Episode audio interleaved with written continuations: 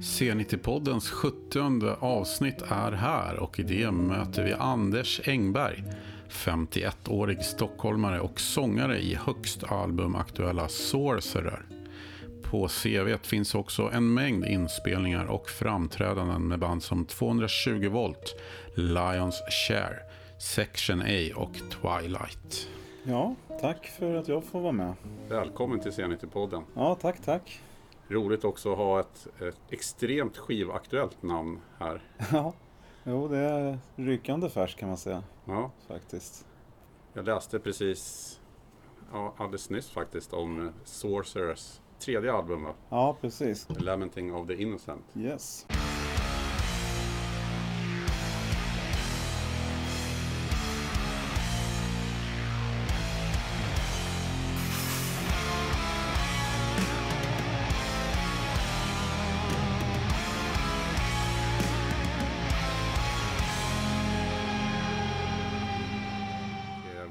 Än så länge lite förhandsrecensioner och sånt där, ser ju bra ut. Ja, det ser fantastiskt ut. Vi har fått ett otroligt bra eh, gensvar och eh, vårt skivbolag jobbar stenhårt för att lansera oss och till och med Schläger är med ibland och pushar för plattan så det är kul.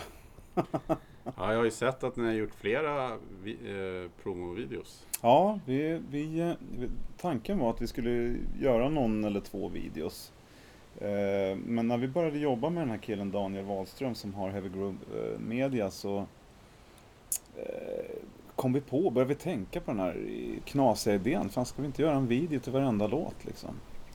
Och vi frågade honom då, liksom, vi har ju inte liksom hundratusentals kronor liksom. Vi kan inte göra en megaproduktion liksom. Men anledningen till att vi vände oss till Daniel var att han är ganska old school i sina videos. Liksom. Det är inte massa CGI och eh, green screen och sånt där. Utan det är liksom skådisar och så filmar han liksom. Och det gillade vi på något sätt. Vi trodde att det skulle passa oss. Och när vi presenterade den här idén så liksom bara, han bara yes!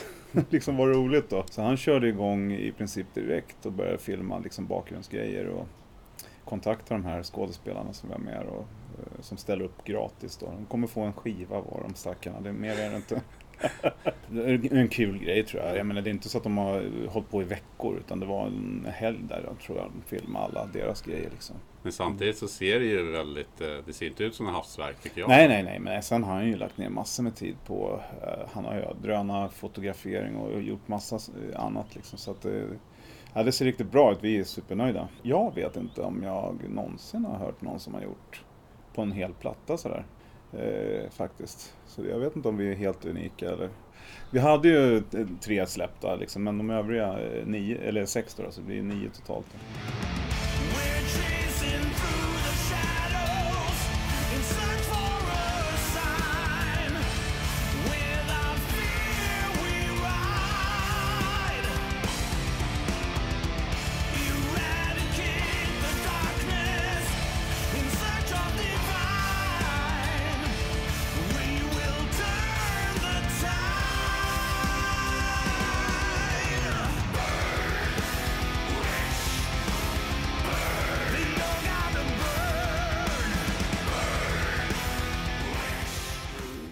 känner ju igen sig i det här uh, shuffle-groovet liksom. Det är lite sabbat, uh, lite Candlemass. Men vi snor ju av de bästa liksom.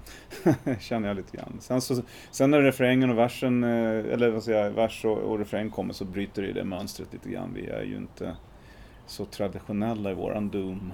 Eh, liksom, vi håller, inte, håller oss inte till den traditionella doomen riktigt utan vi är ju mer, lite mer melodiösa och ja, stora, pampiga kanske man kan säga, svulstiga liksom. Jag liksom. I och med att vi började så tidigt också, i, när vi drog igång eh, Sorcerer så var det ju kanske bara tio band som höll på med det här. Trouble och Pentagram och vi och Candlemass och det var ju några liksom på den tiden, kassettbandstiden liksom. Men och då har det ju också blivit så att man har fått bära med sig det, den genren in i nutid liksom. Och jag har ingenting emot det. Folk får kalla det vad de vill egentligen. Men, eh, och vi har utnyttjat det också naturligtvis. Att vi kallas för ett Doomband. Vi har till och med ett epitet som heter Royal Epic Doom. Då, bara för att vi, vi eh, kommer från en monarki liksom.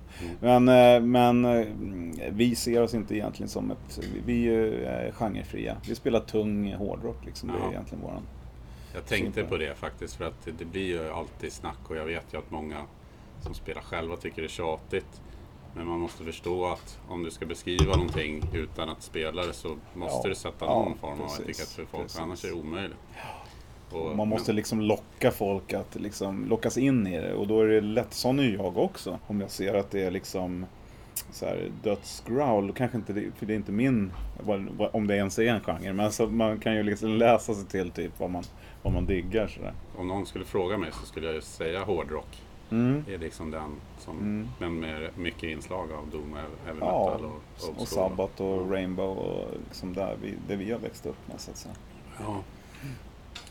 Eh, Men det blir ju speciellt såklart nu. Jag gissar att annars hade ni haft en, en hel del spelningar inbokade för att följa upp releasen. Ja, det är ju oerhört tragiskt. Vi hade ju en diskussion med eh, skivbolaget kring det här.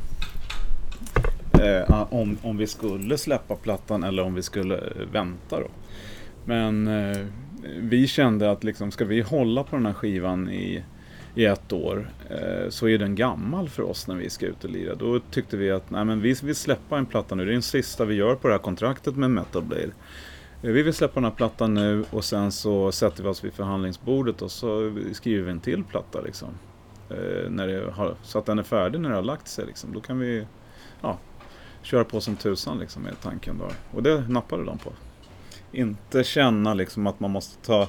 För det blir ju gammal skåpmat för oss då. Även fast publiken inte har hört det så blir det liksom tråkigt för oss liksom att ta upp de här gamla låtarna efter ett och ett halvt år kanske. Nej, så att det, var inte, det var inte intressant för oss utan vi eh, var ganska överens i hela, hela vårt gäng, eh, bandet, att eh, nej, vi vill köra liksom. Och jag tror att vi, att eh, när man ser eh, i retrospekt här nu, eller nu har ju inte eh, liksom hela releasen passerat ännu, men det som har varit hittills, så tack vare Corona tror jag att vi har fått en ökad deltagande liksom på våra sociala medier. Därför att folk är framför datorer och mobiler på ett annat sätt än vad man, vad man skulle vara kanske om, om det allting var som, som vanligt så att säga. Det är i alla fall känslan vi får, liksom, att de är mycket snabbare på att interagera, de är liksom, engagerar sig på ett annat sätt, eh, fans och sådär. Så. Då passar det bra att ni kommer med en drös videos också. Ja, precis. För många lyssnar ju genom Youtube idag. Ja, Helt och det var en av anledningarna också att vi tänkte liksom att vi, vi måste göra någonting sådär. Vi har ju försökt att dra igång en egen kanal och lite sånt där. Det går ju rätt trögt om man inte har material hela tiden. Och så vi jobbar stenhårt med att eh, fylla den här kanalen med eh, korta instruktionsvideos och, och andra. Eh, en dokumentär har vi gjort som är fyra delar. Den fjärde delen släpps i dagarna här. Om plattan då. Där man får följa med backstage, eller liksom ba- i bakgrunden och, och se hur det går till när man gör. Eh, visst, det är många musiker som lyssnar på oss också, men jag tror att den, vanliga Svensson så att säga, som diggar oss, vet nog inte riktigt hur, hur, hur det går till. Liksom. Så det är lite kul. Sen finns det ju en stor publik bland, inom hårdrocken som eh, fortfarande vill ha fysiska. Många som köper vinyl nu Ja, igen. absolut. Så är det med våra fans. De, är, de vill ju ha allt. Liksom. Ja, De lägger ju upp bilder här nu på Facebook där de har köpt liksom, alla färger utav vinylerna. Ja, men du vet, ja, de är ju fanatiska en del liksom, och, Ja. och vill verkligen ha allt. Liksom. någon, någon har väl tyckt så här, ja men det känns nästan som att man robbar folk för att man gör liksom en purple, en, eh, en pink sådär. Men samtidigt, Nej, men det är ju vi, det är enda sättet vi kan få in stålar på, eller spela. Liksom. ja, och de blir ju bara glada. Liksom. Ja. Annars skulle de förmodligen inte köpa det. Liksom. Nej, precis. Och jag vet inte vad skivbolaget tjänar på streaming och sånt där. Jag tror att de tjänar mer pengar på hårdvara än vad de gör på, på de avtalen. Liksom. Garanterat. Alltså. Det hoppas man ju verkligen. Alltså. Eh, För att, eh, ja precis. Det, så jag är glad för den här uppsvinget nu. Jag har varit ju lycklig själv. Jag fick ju köpa om alla mina vinyler som jag en gång hade sålt. för mycket, mycket mer pengar än vad jag sålde dem för. Ja. Men jag tycker det är jäkligt kul med vinyl alltså. Det är verkligen eh, eh, blommat upp i mig igen.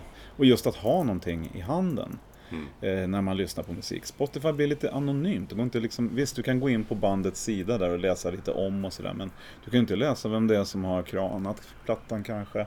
Eller vem det är som har mixat. Det blir väldigt avskalat liksom informationsdelen där. Och jag gillar att sitta och nörda. Läsa lite sådär. Så nu har man ju alla, jag har inte köpt exakt alla, men jag har köpt alla som jag måste ha så att säga. Och några till så här som impulsköp. Men sen så vet jag, jag har ju alla på CD också. Ja. Så man har dubbelt upp med liksom. Ja, det. CD-skivorna tycker jag är jävligt tråkiga idag. Alltså. ja, ja de, det går inte att jämföra riktigt alltså. Men vi försöker göra lite kul. Nu släpper vi en digipack till exempel. Liksom. Det blir ju någonting annorlunda. Men eh, ja, de här gamla plastkonvoluterna, de är väl inte så jättesexiga längre. Nej. Men jag har hört att Tyskland till exempel, där säljs det fortfarande Mm. mycket CD. Mm. Ja, men det märker vi när vi är ute och spelar. Det är, vi säljer bra med både CD och vinyl. Så det är inte, inte borta än riktigt Nej. i alla fall. Faktiskt.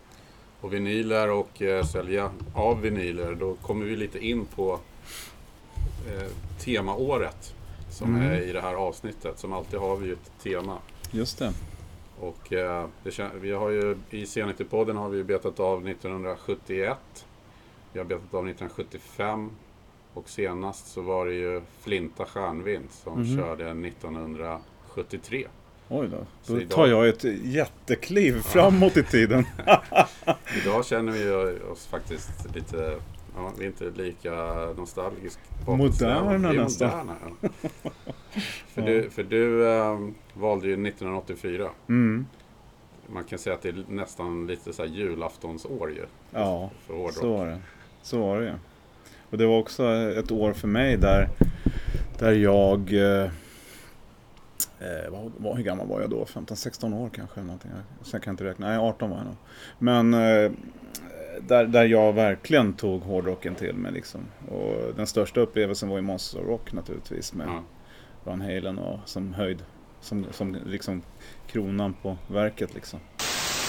Omkring 35 000 personer samlades på Råsunda fotbollsstadion i Solna idag för att avnjuta tre stycken så kallade hårdrockgrupper. Bortemot 35 000 personer kunde se åtminstone en skymt av de tre grupper som ingick i den så kallade Rockmonstergalan. De som såg var publiken som hade betalat för att komma in. Men halva Solna lär ha hört dem alldeles gratis. För de här, det är Motley Crue. De ligger ungefär i 140 decibelsklassen. Denna fantastiska, idag ganska mytomspunna festival ju. Ja, ja det var. Så det var ett häftigt år och nu när jag, jag, jag kan inte säga att jag är så här årsfixerad så jag har ju pluggat lite nu eller gått tillbaka och gjort en research. Herregud vilka bra skivor det, släpptes alltså. Ja. Så att ja, det, Det är helt galet och det är också helt galet vilka konserter man kunde se bara i Mm. Stockholm under hela 1984. Jag var inne och kollade.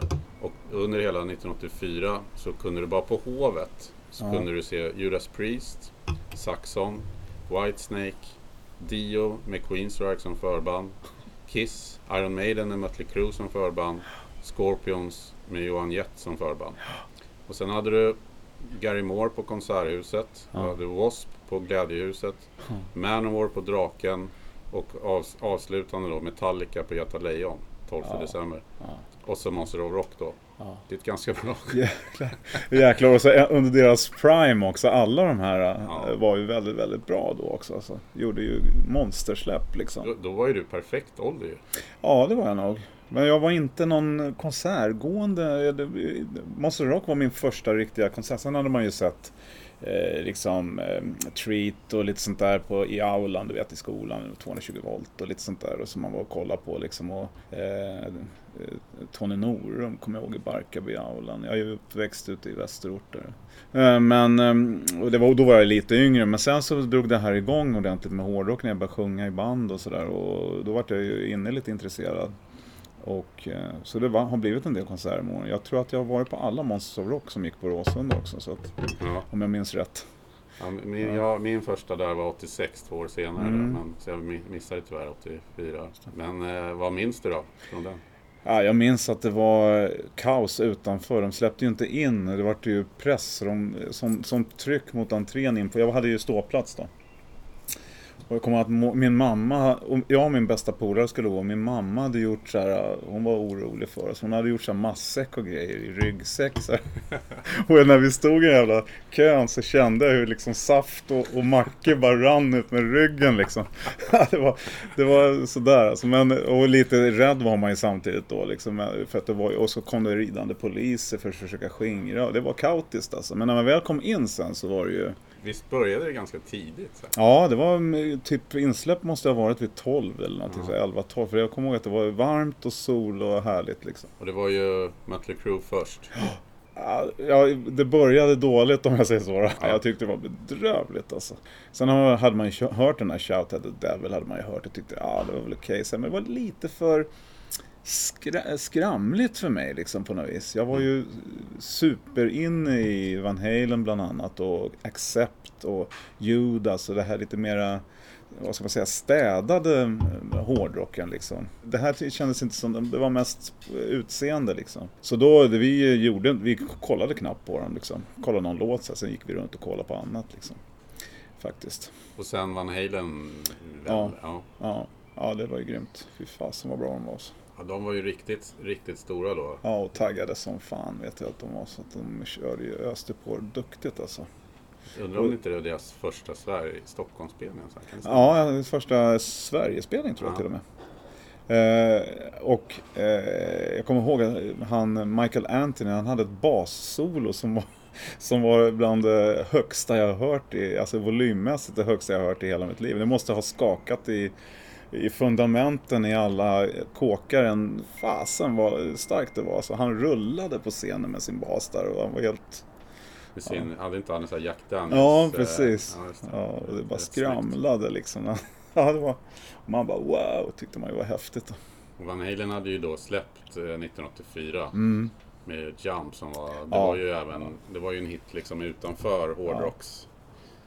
Eh, Jag kan tänka mig att det lockade nog rätt mycket folk som kanske inte var den vanliga hårdrock. Nej, och sen var det väl ACDC va? Mm. Som, och där är ju också liksom en bredare publik. Liksom, allt ifrån äldre till yngre. Liksom, så, så att det var nog blandat. Så upp, den uppfattningen har jag, vad jag minns i alla fall.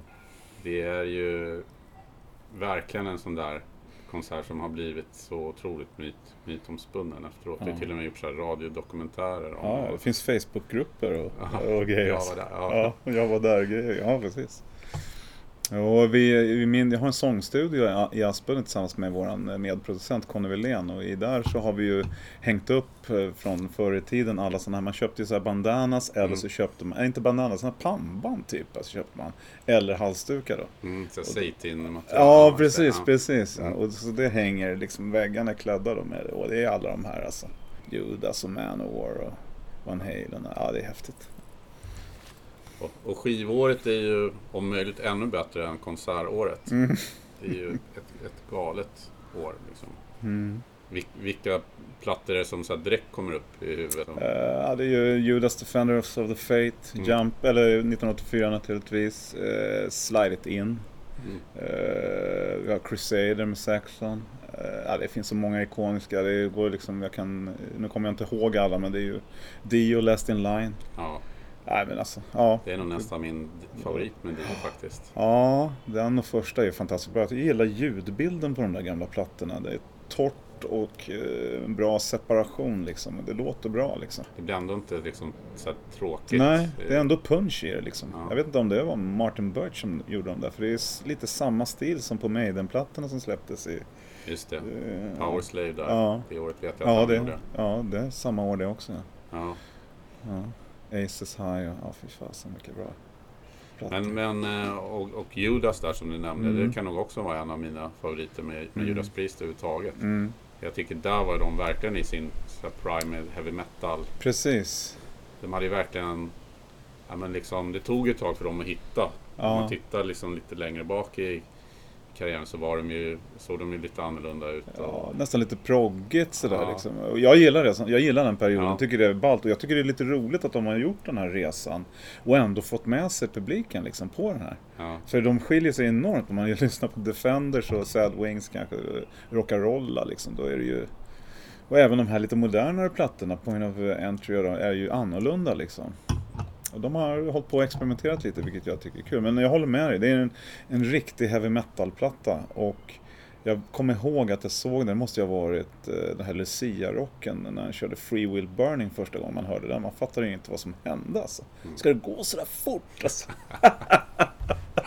ja, det var häftigt alltså. ja. ja men de, eh, de, den är ju ganska lik eh, Screaming for Vengeance. Som, Lite mer polerad, lite mer proddad känns den ju, tycker jag. eh, men det är verkligen det här eh, Metal Gods Ja, liksom, på något ja. sätt. Fantastiskt bra. Ja, fantastiskt. The Sentinel är ju... Ja.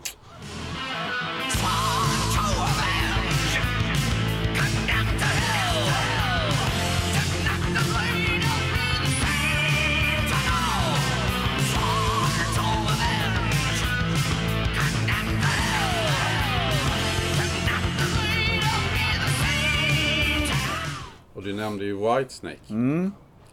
Eh, eh, det hände mycket med Whitesnake där eh, under den här tiden. Mm.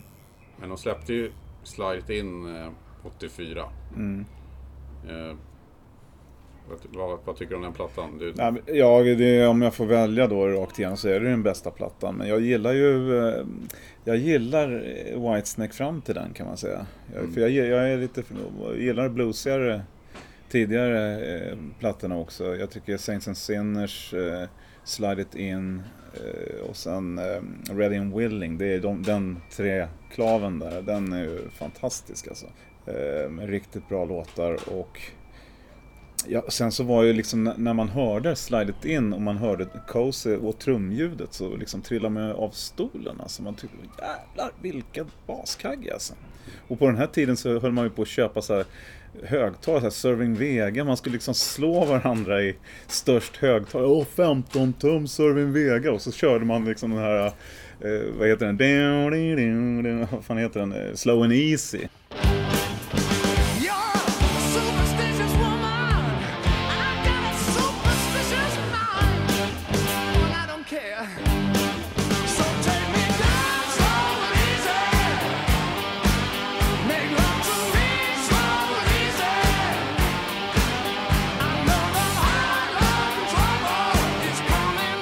Da, da, da, da, da. Och liksom där det var mycket baskagge då liksom och högt som tusen så hela huset vibrerade liksom.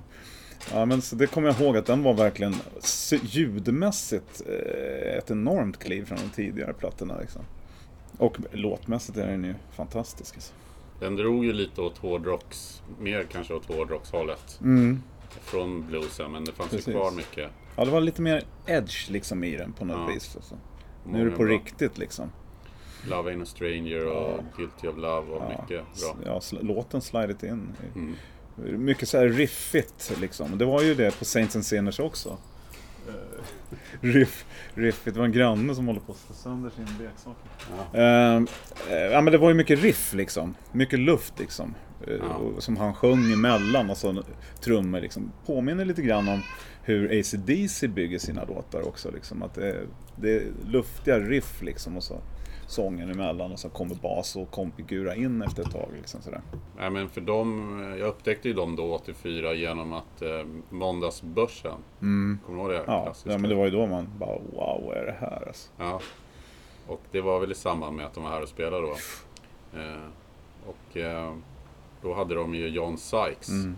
Eh, som bara, han spelade ju egentligen inte på plattan tror jag. Han gjorde inte det på den, eh, på den eh, original, alltså UK-releasen, men de gjorde en senare USA-utgåva som han fick göra lite en del solon. Jag vet inte om han kompade någon gång, men han gjorde om solon i alla fall. Han var ju, han har ju spelat i Thin Lizzy, han är med på Thunder and Lightning. Mm, precis. Plattan. Så det var ju den första riktiga sån här gitarrhjälte som jag kände att man kunde liksom bli lite så avis på, även fast man sjöng liksom. Så fan, där skulle vara läckert alltså. Ha en svart eh, Les Paul och Ja, de såg ju bra ut där med David Coverdale och Cozy Powell och Neil Murray. ja, precis, riktigt bra.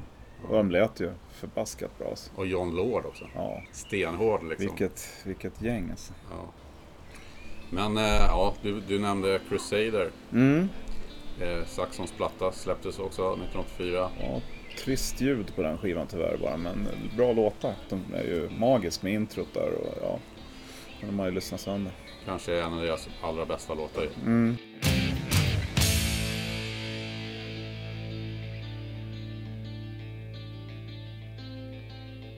C90.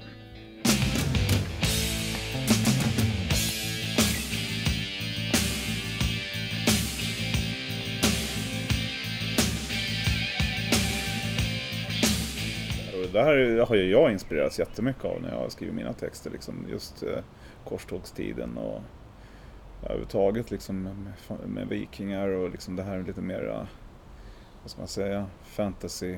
Men ändå med en viss verklighetsanknytning. Liksom. Kampen mellan det onda och det oda, eller onda och goda liksom. Och det här tycker jag är lite intressant. Det passade ju så bra till musiken mm, också. Den traditionen har ju vi burit vidare i vårat eh, i vårat skrivande, helt klart. Mm. Tyvärr är väl i mitt tycke den låten, är, den blåser ju allt liksom. Sen Mm. kommer väl kanske inte riktigt, även om det finns låtar så är det... Det är lite roligt med Saxon, för Saxon har aldrig gjort en genombra skiva. De har aldrig gjort en skiva som är så här, åh, ja, Power and the Glory möjligtvis når nästan hela vägen tycker jag. Den är ju excellent också, men den har inte de här topparna som, som vissa andra plattor har liksom. Som Crusade är ju en sån fantastisk låt alltså. Så blir man lite så här deppig när man hör andra, liksom. man bara snabbspolar eller skippar liksom. Jag blev imponerad faktiskt när jag såg Saxon. Det var inte så det kan vara fyra fem år sedan. Hur Mm. bra Biff fortfarande är. Sjukt bra alltså. Sjunger ju jäkligt bra alltså. Hans röst, är, det- han låter ju som han gjorde förr nästan. Alltså. Ja, Jag lyssnade på hans soloplatta där men det kan ju bero på att, att jag inte tyckte den var så intressant. Och Då tyckte jag han lät lite trött men, men eh, han har ju hållit otroligt bra länge. Vad fanns det mer för kul? Jo, Manowar släppte ju sin Hail to England där också. Eh, också en, eh, inte en skiva som jag kanske fastnade stenhårt för, men jag tyckte den var coola. Den, man följde dit på Battle Hymns, den plattan, då, då var man ju körd sen. Alltså. Och då lyssnade man tillbaka istället sen, liksom, för att eh, plocka upp liksom, här tidigare. Jag tycker de har en charm de här första Manowar-plattorna på något vis. Och de ballar ju sen också liksom, men... Eh, sen blev det lite Spinal nästan. Ja, faktiskt. Så nu såg jag att de skulle vara på gång igen nu alltså. Hade de inte gjort sin sista turné? Jag fick för mig att de sa att de hade, hade lagt av liksom.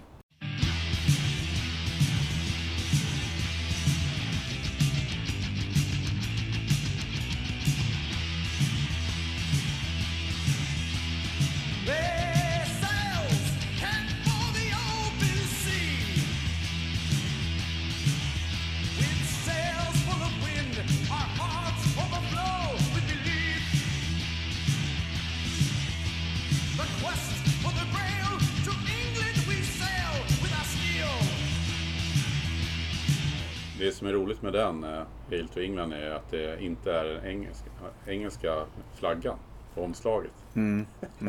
Att, utan att det är Storbritannien. Ja, ja precis. Och sen att de utger sig för att vara vikingar så heter man Joe DiMaggio liksom. Ja, men det liksom rimmar liksom inte riktigt. Det blir lite konstig blandning. Ja, vi fick ju faktiskt äran att åka, jag lirade ett band som heter Lionshare en gång i tiden. Vi åkte på den här Millennium-turnén. Som var en fantastisk upplevelse, alltså med Manowar, Motorhead och Dio liksom. Och så var, var det lilla vi också. Vilken line-up. Ja, den var ju fet alltså. Det måste ju ha varit då i Millennium, eh, måste ju vara 99 då, eh, måste det ha varit. Eh, Alltså slutet på, på 99 helt enkelt.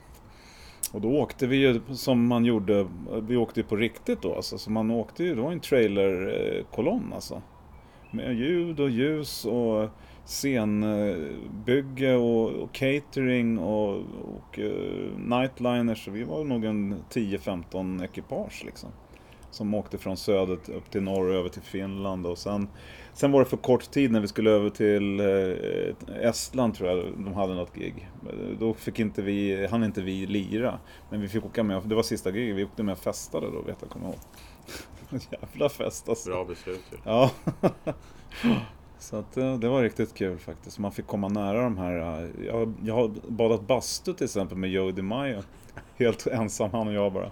Och de, de hade ju så här mycket gimmicks liksom att de var De hade ju gigantiska riders alltså med öl och sprit och vin. Alltså det var helt sjuka mängder. Men de drack ju ingenting vet du. Nähä. Utan deras crew fick då plocka undan så att det såg ut som, eller de kanske drack i crewet då liksom. Och plocka undan, allt skulle med liksom. Så de la det liksom i de här lastutrymmena under deras nightliner. Sen efter tre, fyra gig så var det ju fullt liksom. Fick Ja. inte med sig något mer. Och jag tror att det var liksom att de skämdes lite grann för att ställena hade liksom med whiskyflaskor, var fan hans moster alltså. Och de drack ju bira på scenen fast det var ju tomburkar med vatten i liksom. De- Det var ju liksom så här lökigt alltså. och han, de var ju jättevältränade, de är ju på att träna och grejer liksom när de inte giggar liksom. Ja men i alla fall så, eh, då kommer jag ihåg att vi hade typ en back öl. Vårat band, våran rider var inte så stor liksom. Men då kom deras busschaffis och bara Hey guys, yeah, I need your help liksom. Ja, vad är det liksom? Så här, kom, kom. Så bara öppnade han den här jävla luckan under när man lägger resväskor och sånt normalt. Så det var ju som en, det var så Stenbolaget där under alltså. Så han bara ta här, så vi måste göra mer plats liksom. Vi får inte plats. Så då hade bara, vi "Ja, lite vi mer. Ja, till då." okej då. ja, så det var jävligt kul faktiskt. Eh, ett annat eh, minne jag har också när man vågade närma sig eh, Ronnie James Dio då så gick jag in på hans, i hans omklädningsrum och sa hej liksom. Så man hade ju hälsat så här ute vid cateringen. Jag gick in och sa hej. Så, Ja, man kom in sa han liksom, sätt dig liksom. Vill du ha någon öl? Bara, Nej tack, jag, jag dricker inte innan jag ska sjunga, så jag sådär. Tråkig svensk.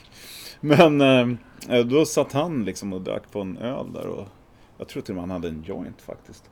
Men så i alla fall så så frågade jag honom, vi pratade lite småprat och så frågade jag honom för han var ju spot on varenda kväll. Jag, och jag fattar inte liksom hur han, då var han ju kanske 45-50, jag vet inte vad han kan vara, 50 kanske 45.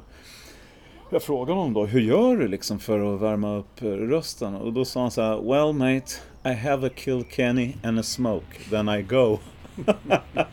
så det var ingen uppsjungning utan han tog en kill Kenny och rökte på, sen körde han.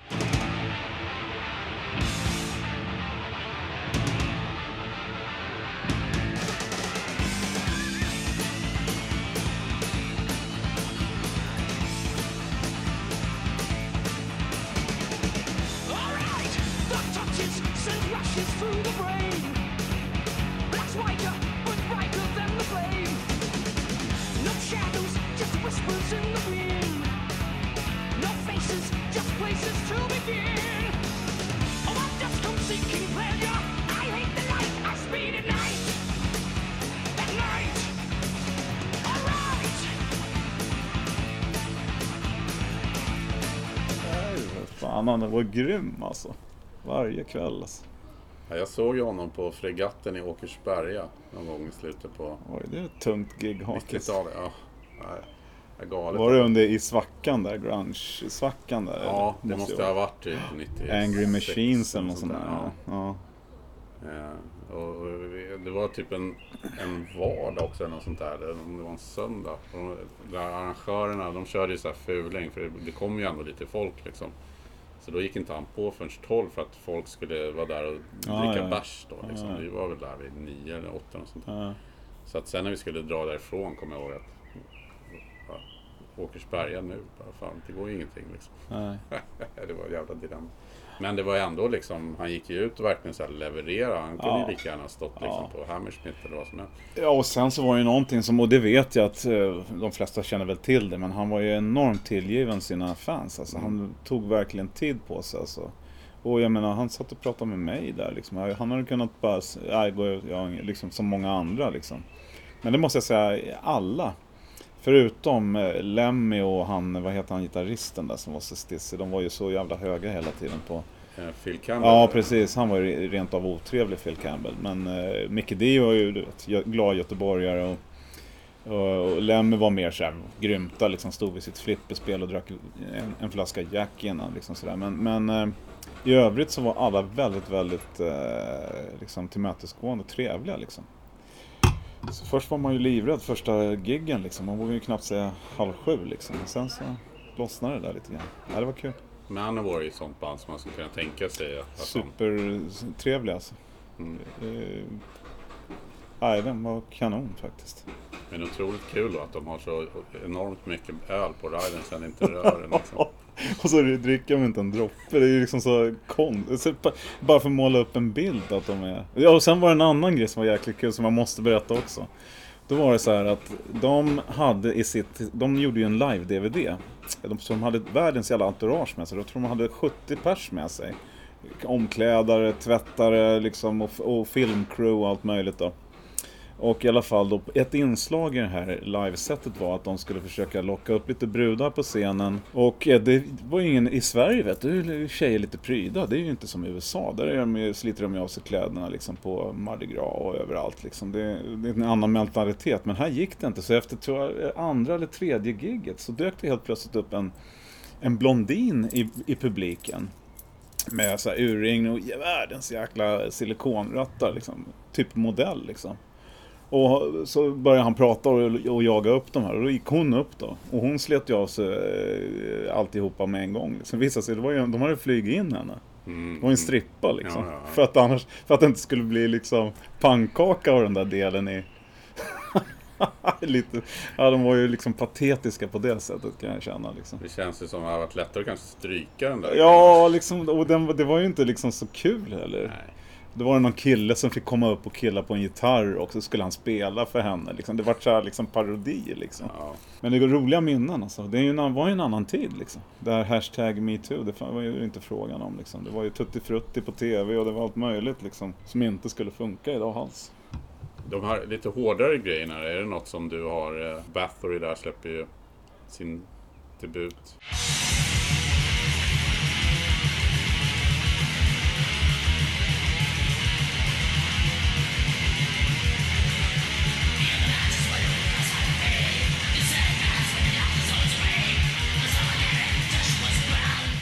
Jag har aldrig varit speciellt förtjust i den, eh, liksom, eh, den genren. Eh, Så jag måste säga att jag har faktiskt ingen koll på det där. Jag har Mm. knappt koll på band i Doom-genren. Alltså. Det är en handfull som jag... Så ibland får man fråga om det där i intervjuer liksom, och då blir det lite så pinsamt. Då kan man bara räkna upp så här Candlemass, Solitude Attornus och sen så börjar det ta stopp liksom. Ja. För där har du ju Trouble. Ja, Trouble ja. Precis. Ja, men de har jag lyssnat lite grann på. Men inte så att jag dyrkar dem på något sätt. Alltså. Psalm 9 som Ja. släpps där. Och, och Saint Vitus kom ju med sin Ja, just det. där. De Ja. är väl väldigt sådär... Ja, de eh, är tidigare. och- Med också många så här, lik- Doom-band som Mm. hyllar dem sådär. De har ju hållit på svinlänge också. Liksom. Ja. Men, men för din del var det mer den eh, Ja, typiska hårdrocken? Ja, precis. Det var ju min ingång i musiken egentligen. Och när jag gjorde de här två första demokassetterna då, då spelade jag i ett band som spelade mer alltså docken, eh, alltså vanlig eh, vad ska man säga, heavy metal, hårdrock eh, vägen liksom. Så att eh, det, vi blev ju aldrig, jag var, jag var medlem i, i bandet men vi var, blev aldrig ett band på riktigt liksom där. Utan vi gjorde de här två demot, spelade på ett fåtal spelningar och sen så dog det ut när, när Johnny drog med Tiamat och jag hade, ville göra andra grejer liksom. Så då, Med Sorcerer där? Ja, ja. precis. Men må- ändå levde ju de där demobanden. Mm. Kassetten går fortfarande att köpa vet jag på disco också. Så de, man får ju slanta en del alltså. Jag tror 500-600 spänn för en sån här nu. Men eh, det, det, ni måste ju ha haft någonting som... Annars hade ju ingen kommit ihåg det där liksom. Nej, och jag tror inte folk fattar hur mycket jobb det var alltså. Att göra det här och producera de här. Vi sålde ju på en affär som hette Heavy Sound på Malmskillnadsgatan i stan. Mm. Så var det en trummisen i bandet då, Tommy hette han. eh, Han hade varit där och kollat och då såg han att det låg liksom eh, du vet, en tum. Det, liksom, folk hade liksom fått ställa in sina demokassetter där. Och då fick han den idén, fan vi ska göra en demo liksom. Och så ska vi, ja men du vet. Ja och så vart jag kontakt och så sjöng, gjorde vi den där 1503 då, som heter den första då med Born with Fear då. Som eh, blev något av en, eh, ja, en hit liksom den låten då. Vi förknippas ju med den fortfarande. Men i alla fall. eh, Och så då ställde vi dit typ 10 kassetter. Och då, med deras goda minne då. Och sen så ringde jag, jag kommer inte ihåg vad han hette nu som hade butiken. med. Men ringde han bara efter några dagar och sa att kassetterna är slut. Och vi bara va? Så då började vi, då hade man ju så dubbelkassettspelare då. Så någon Ja. fick ju sitta då med masterkassetten och kopiera då, då. Och sen var det ju eh, gnuggisar och liksom göra omslaget där. Vi hade ju färgomslag, det var vi en, ensamma om. Så det var ju super, folk bara wow vad är det här? Va? Och eh, handvika de här då, det var ju sådana som man rullade ut liksom. Så det var en jäkla massa jobb och vi sålde ju mellan 1500 och 2000 kassetter ifrån, ifrån bara där, Heavy Sound alltså. Och sen så fick vi ju brev då, det spreds ju det som en sån underground-tidningar, så spreds ryktet om oss och då fick vi brev med pengar i. Som skulle betala på, kassetten och portot då, så skickade vi tillbaks allt. Det var världens jävla projekt alltså. Innan internetet liksom. Ja. Det var, ja, det var charmigt på något vis, alltså den där perioden.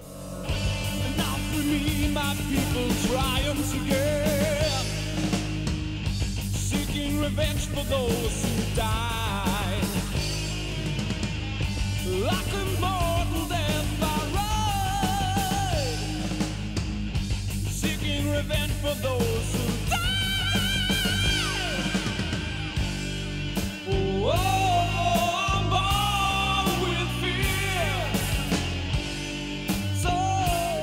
spelade den i, på Hemsound ju. Ja, det gjorde han ju också. Han gillade det och det var ju därför vi fick sälja den. För han lyssnade alltid först och, för att kolla att det var okej. Okay, liksom, mm.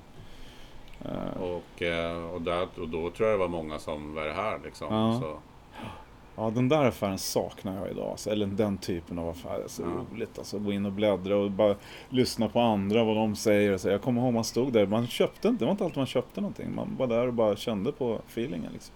den låg ju på Regeringsgatan först Mm, där. mm. Jag kommer ihåg jag var där eh, då 1984 i samband med Monsters of Rock. Som jag inte var på, men jag var vid Härnösand. Och eh, då var det liksom, alltså det var ju så mycket folk som hade rest från hela Sverige som passade på att åka dit för att de visste att det fanns mycket hårdrock. Mm.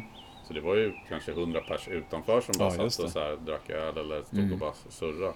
De var så ödmjuka också, för han fick alltid lyssna liksom. Mm. Man kunde stå där och lyssna igenom en platta nästan, om det inte var för mycket folk. För då var man tvungen att skippa, för det var ju kö då.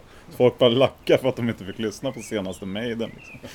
Så, det var så, ja, så annorlunda. Sen vet jag att man kunde ringa in på deras telefonnummer. De hade telefonnummer, så kunde man ringa in. Då hade han spelat in på telefonsvararen. Veckans eh, releaser. Jaha. Och så var det smakprov på, i telefonsvararen. Så kunde man sitta och lyssna liksom. ja, de var, unika. Det var ju två snubbar. Jag kommer inte ihåg vad de hette nu. Men en stort krulligt hår. Och sen var det en kille med glasögon. Han var alltid där inne bland, i, kontoret liksom. Den andra var ute i butiken liksom. Ja, jag kan se dem framför mig. Ja, ja visst. Otroligt klassisk eh, affär. Ja. Det är många band som har bildats genom att man stod, Ja, just det. Det fick man ju anslå där. Ja, eh. precis. hittade varandra genom att liksom satte upp Ja. ett sånt här papper med telefonnummer. Ja, det var En annan tid. magiskt alltså. Idag är det som brus liksom. Det är svårt att hänga med. Ja, man kunde stå där i timmar och bara så här kolla på typ Iron Maidens Ja. omslag liksom, i de här plast, Ja, ja precis. plastfickorna. eh, och Iron Maiden då, Mm. 1984 är ju ett bra år för dem. Mm. Powerslave. Som jag vet många faktiskt håller som deras främsta platta. Mm.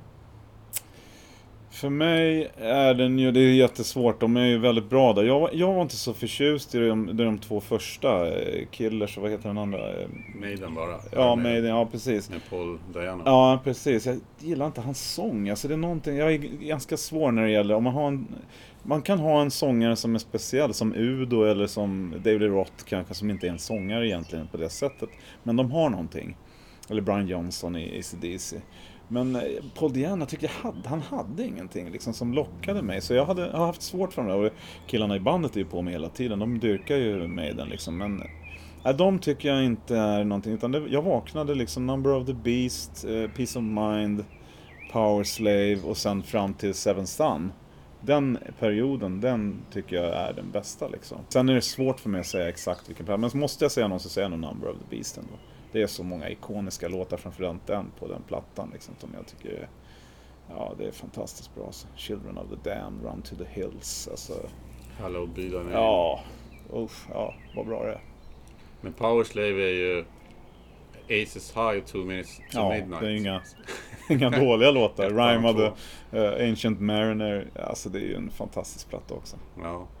Det, är väl, det ska jag nog säga de tre bästa. Titelspåret är ju bra, Powerslave. Ja, Sen är det väl några låtar som kanske har glömts bort lite där av... ja av eh, med, Men det är så, det, Maiden har, är lite så också, att de har alltid ett par tre spår som inte riktigt liksom håller samma klass som övriga liksom. Ja, det kan jag hålla med om. Mm. Och Number of the Beast till exempel, det är första spåret där, Invaders, är Ja. Invaders! Ja, Konstig svag, liksom. eh, Ja, öppning. Och varför inte börja med Number of the Beast? ja, precis. Med det introt. Ja, med det introt ja, precis. Det är- Det hade jag gjort. Det måste ha blivit något fel. Det var någon producent som tyckte att, nej men så här gör vi. Jaha.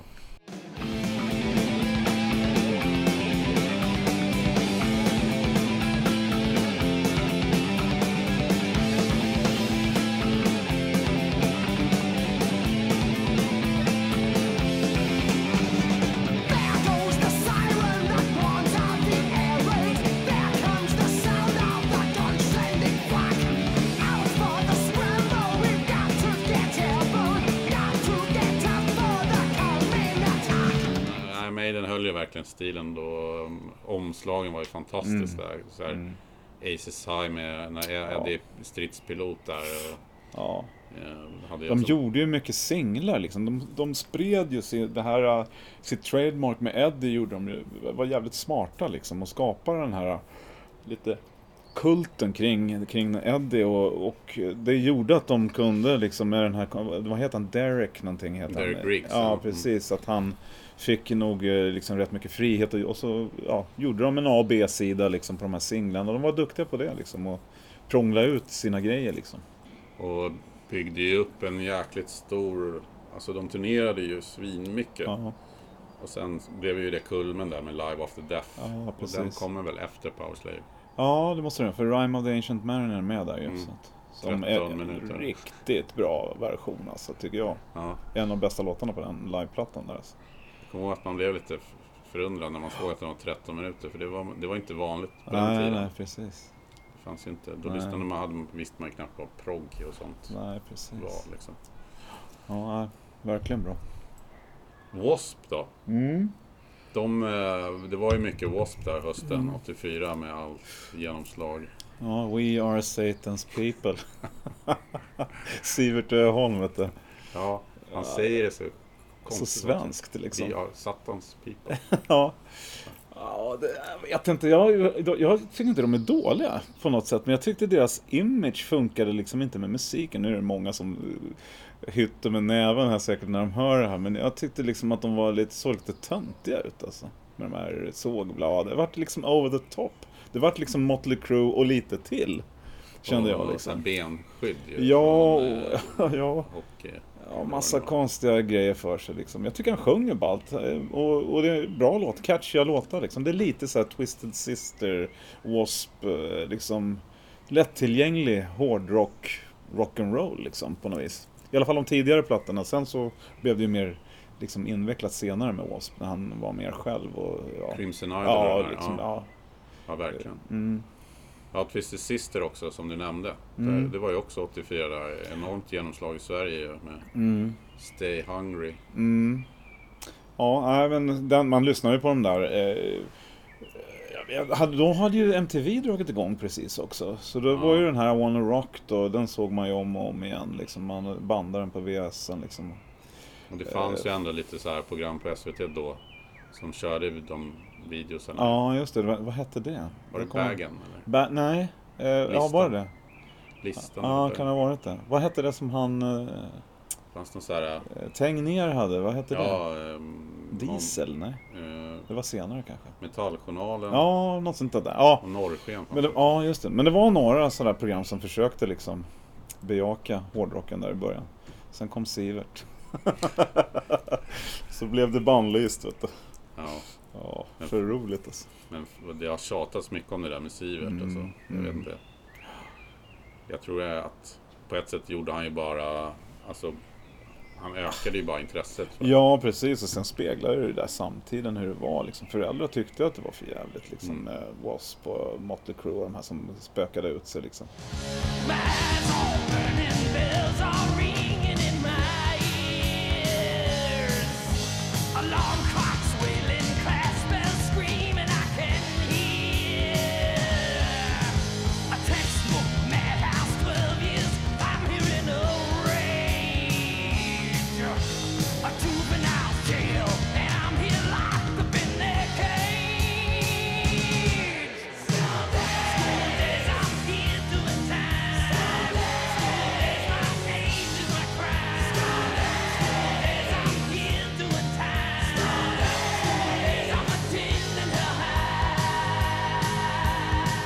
Jag tycker ju att Deep Purple gjorde en bra platta 1984. Ja, det måste med? jag säga. Den bästa plattan med Ian Gillan tycker jag. Eh, fantastiskt bra platta alltså. Och bra sound. Och den här Knockin' at your backdoor, alltså den, då tappar man ju hakan när man hör den låten. Den kommer in i så här baktakt på något vis liksom. Skönt. då.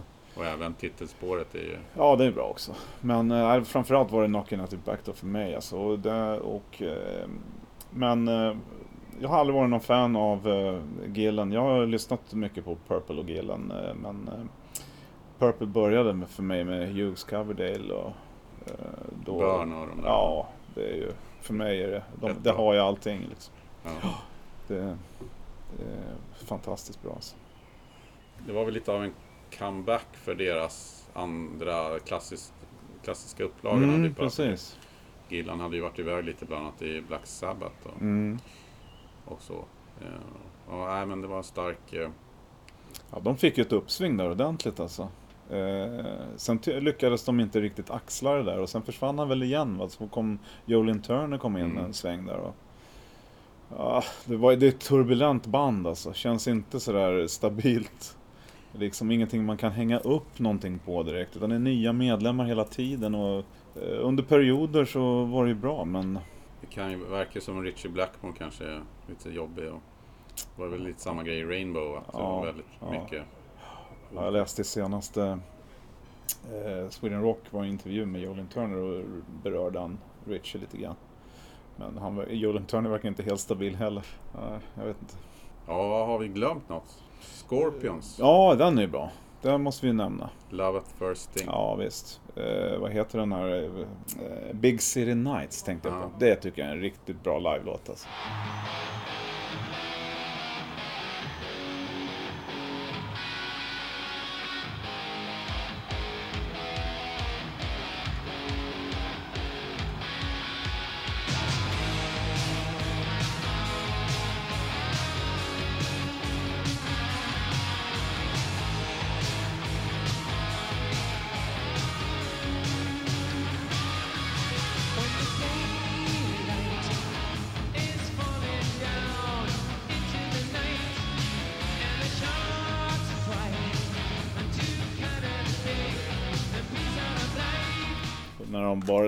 Bara baskar. Big City. Ja, just det. Big. Ja, det är riktigt bra. Ja, men bra platta rakt igenom faktiskt. Den balladen är bra också. Så det går inte att ta ifrån dem. De är ju något av balladmästarna liksom. Ja, det blev en och annan ballad sen. De hade den bästa sättningen där också tycker jag med Jabs och Schenker och... Och sen åker de ju, strax efter åker de ju på den här jätteturnén som sen blir World Wide Ja, Live. fantastiskt bra liveplatta också. Och sen headlinar de ju Monster of Rock 86. Just det. Och då är de ju ruggigt stora faktiskt. Ja, ja de hade en, en riktigt bra period liksom, där de släppte bra plattor på liksom, ända ifrån där det verkligen breakade var väl den här um, med gafflarna, Ja, Blackout. Blackout och sen framåt liksom med Holiday och alla de här låtarna. Liksom, det är ju There's no one like you och ja, bra som fan alltså. Ja, men det är ju många som idag lyfter fram tidiga Scorpions ju, med Olle John Roth och så Mm. de här. Det är väl det kreddiga grejer att Ja. göra lite sådär. In Trance-plattan tycker jag är rätt bra men det är Mm. likadant här igen. Den låten, det är lite balladigt liksom. Men det, ja, men det kanske är så som du säger, att det är lite creddigt att gilla, Ulle John Roth idag liksom. Att det, Jo, men jag tror att man vill så tydligt så här också ta avstånd från senare Scorpions. Men de har ju gjort, om man ska jämföra med Judas Priest, så har de ju gjort en lite liknande resa liksom. Jag menar på de här tiderna, det är till och med reggae beats och liksom allt möjligt liksom. Vä väldigt bra eh, låtar liksom på de här, eh, ja vad fasen heter den då med tuggummi på tutten där? Jag kommer inte ihåg. Love Drive. Ja, precis. Skitbra platta tycker jag. Men väldigt annorlunda musik. Så de har gjort en spännande resa. Och där de har fått med sig fans. Liksom. Kanske inte alla från dåtid, men de har plockat på nya då med, med de nya plattorna. Liksom. Och, eh, och jag, om jag ska vara helt ärlig, så tycker jag om dem mer idag än vad jag gjorde när det begav sig. Liksom. Men nu i retrospekt så, där, så tycker jag liksom att Alltså jag har köpt på mig de där plattorna. Jag tycker de är bra. Alltså. 1984 var ju... Då hade ju skivbolagen verkligen så här fått upp ögonen och man ville ju stöpa många band i den här hårdrocksformen. Mm. Och då som... Ja, man, de såg hur bra det gick för Judas Priest och sådana Mm. band. Och, så att de var väl liksom påhejade skivbolaget. Jag vet att Helix till exempel, Ja. som var ju stora i Sverige. Mm. De var ju så här pubrockband och så i Kanada liksom. Ja, så det. var det någon som, ja men vi kan nog göra ett liksom. Ja, just det. Heavy Men metal här. skivbolagen hade grym makt alltså. På den där tiden. Eh, och idag är de ju inte all- alls där liksom. Men, men eh, i alla fall inte inom den här genren. Sen kanske det finns du vet, så här hiphop-skivbolag och sånt som fortfarande har pondus liksom. Men eh, på den tiden var det ju liksom de här stora Capital och alla de här liksom. De, så här gör vi, det kom in någon producent vet och bara, ja, och fris, de ändra frissa och styling och det var helt, hela paketet liksom. Eller det ställdes krav liksom i Ja. kontraktet helt enkelt att vi äger er. Om ni skriver på det här kontraktet så är det vi som bestämmer hur ni ser ut, hur ni, vad ni spelar och när ni spelar liksom. Så tror jag det var. Det var i vissa fall slavkontrakt liksom. Mm. Där de vart blåsta liksom på alla intäkter och hej och hå. Det Ja. har man ju hört många sådana stories om. ja, men du var inne på det här docken. Mm, det är eh, Tooth and Nail kom Just ut. det, det, det är ja. ju en, min favoritplatta med dem då. De har en låt som heter When Heaven Comes Down som faktiskt är lite doomig. Gillar du dockorna eller?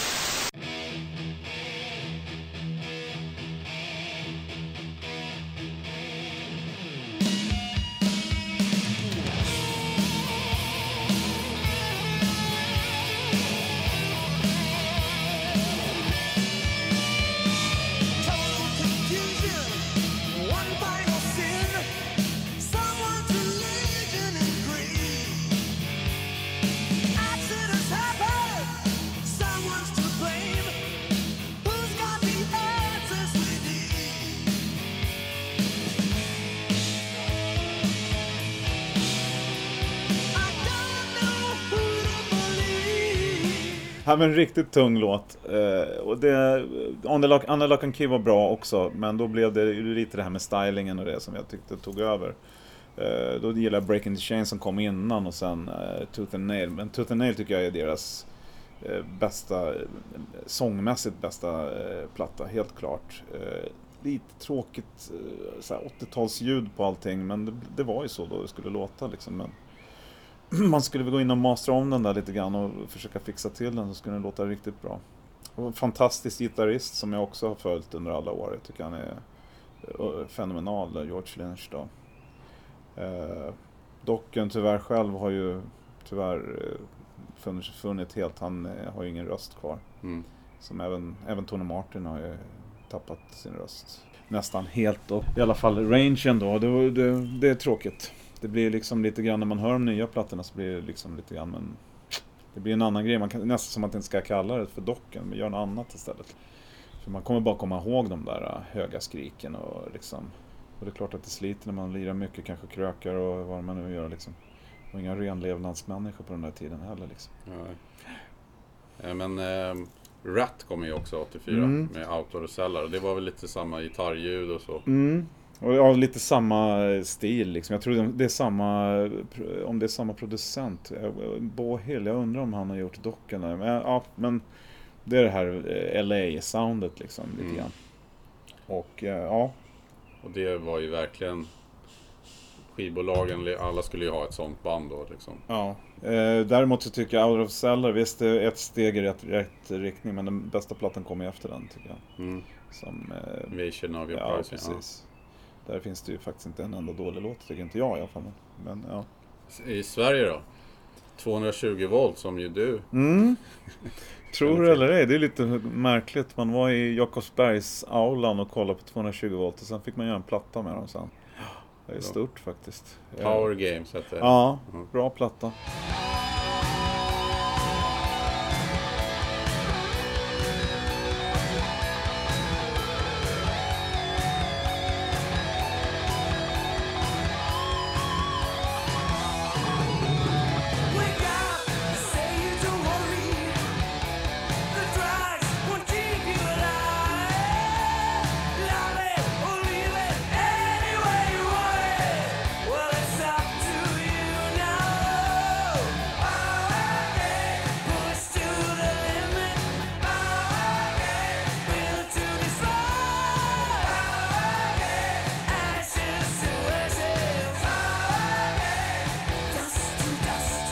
Om jag får säga det själv då. Men eh, alltså jag har gjort en del låtar på den där. Jag tycker den är eh, riktigt bra. Stark också. Men likadant där. De hade sin stor, storhetstid, e- plattan efter. Med Eye to Eye då, som de gjorde i USA med Max Norman. Då. Den är ju skitbra, helt enkelt. Det finns inte en dålig låt på den. Eh, så att, ja men det är också en bra grupp och de var, de var ju på gång där liksom. Men ingen som kommer längre upp än de här andra vi har nämnt så att säga. Nej. Jag har någon sån här topp 10 som jag känner liksom där. där eh, men det är helt klart så åker de ju med liksom. Nej, de, det var ju de och Treat och Europe och Mm. det var väl, ja Europe var väl störst så men de, de och Treat låg väl där strax under. Ja. kunde trots allt turnera i folkparkerna. Liksom. Ja, precis. Ja, de drog ju fullt. Mm. 220 volt på den här tiden drog, sålde ju slut folkparkerna liksom. Och även de andra banden där också. Och, och Europe släppte ju Wings of Tomorrow. Mm. Som... Eh, Skitbra platta. då var det fortfarande så här lite Lizzy och lite sånt Mm. i. John Norum fick spela ordentligt liksom. Och det var lite tufft. Det var den här Screaming for Anger. Och med lite attityd. Eh, så den tycker jag är, håller väldigt bra fortfarande idag. Sen blev det lite för... Sen Genomtänkt. Så, ja, och det skulle bluesas till och lite sådär. Och Jag, jag, säger man vad man vill om honom, men han är ingen blues-sångare liksom. Utan han ska ju sjunga AOR-aktigt liksom. Det finns ju ett he, hela... De spelade ju då... eh, Det måste vara i samband med att plattan släpptes. Spelade Europe och Göta Lejon. Mm. Hela den spelningen finns på Youtube. Gör den? Ja, det är rätt Ja, kul det att se faktiskt. se. Från 84 då? Ja, Wow, det måste jag kolla upp så alltså. hoppas ingen att plocka bort det. Men sist jag kollade så, så Ja. fanns den.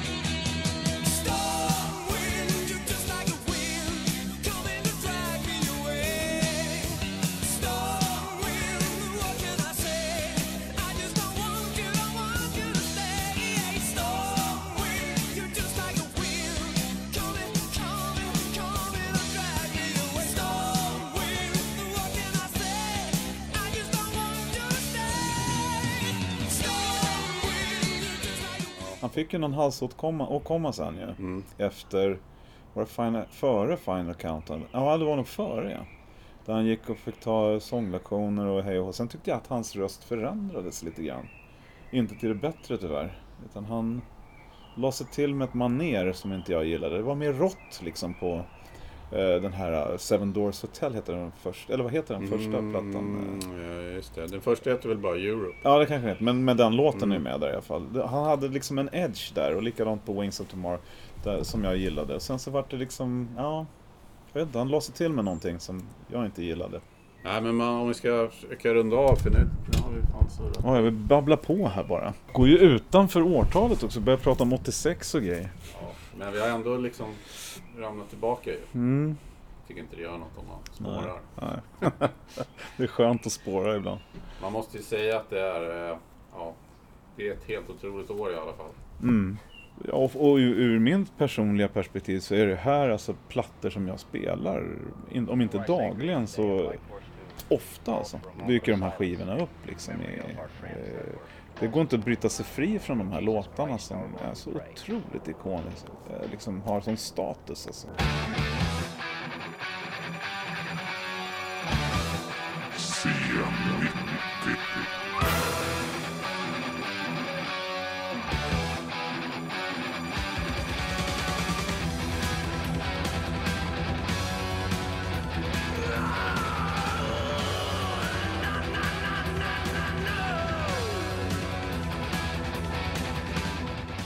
Det är, det är häftigt att det kan hålla så länge alltså.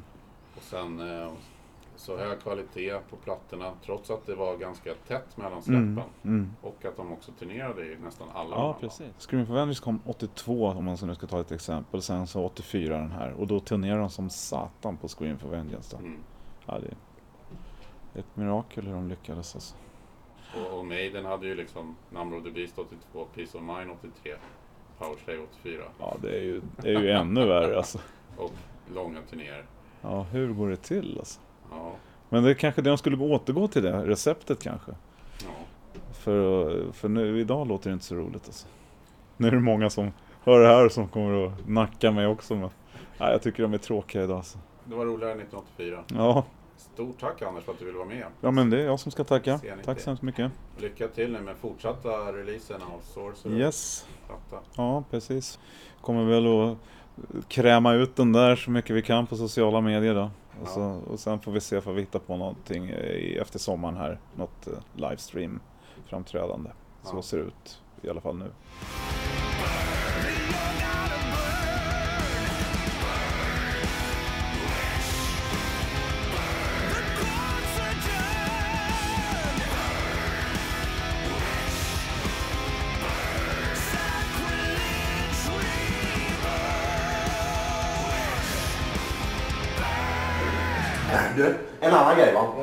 Så här.